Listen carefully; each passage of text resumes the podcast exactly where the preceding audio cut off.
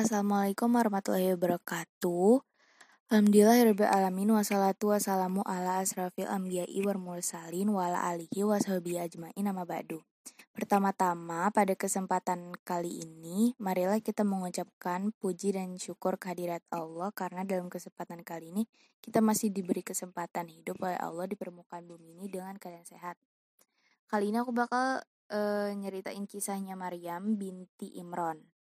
Jadi Maryam adalah wanita terbaik sepanjang masa. Wanita terbaik dalam kurun sejarah wanita dari Hawa hingga kelak yang terakhir entah siapa. Apakah wanita muslimah tahu tentang Maryam? Tahukah wanita muslimah bahwa Allah telah menetapkannya sebagai penghuni surga?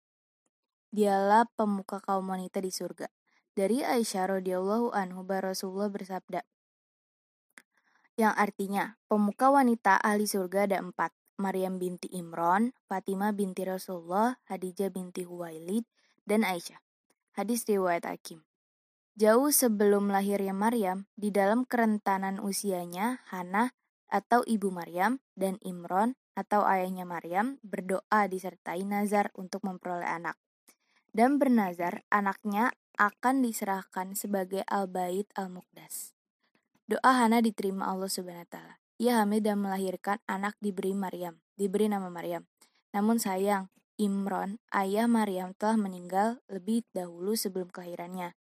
Sesuai dengan nazarnya, Maryam diserahkan ke Baitul Maqdis dan dipercayakan kepada Nabi Zakaria. Ternyata Maryam benar menjadi anak yang sohil, soliha sehingga menjadi pusat perhatian dan sanjungan penduduk sekitar Baitul Maqdis. Akan tetapi muncul peristiwa yang membuat gadis itu berusaha hati. Pada suatu hari, Jibril mendatangi, malaikat Jibril mendatangi Maryam. Walau, meskipun Maryam menolak kedatangan Jibril, tetapi tidak mampu menghindari diri karena Jibril meniup ruh suci atas perintah Allah kepadanya, sehingga hamilah dia.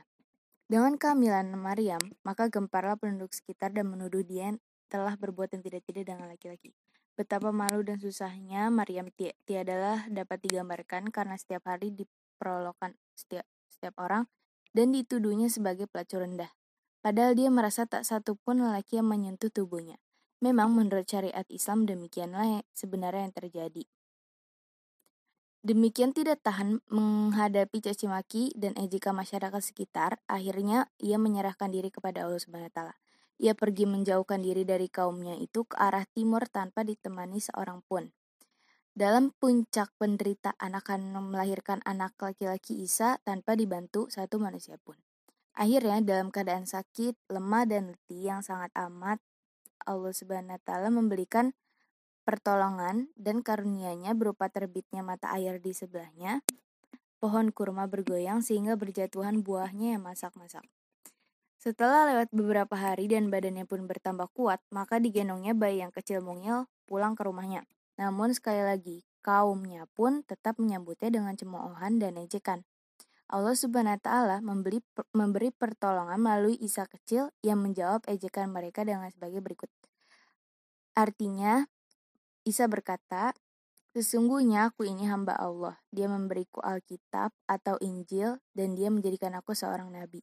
Quran Surat Maryam ayat 30. Semoga kita dapat meneladani ahlak Maryam binti Imran, serta dapat kita amalkan dalam kehidupan sehari-hari. Sekian kultum dari aku, kurang lebihnya mohon maaf. Wassalamualaikum warahmatullahi wabarakatuh.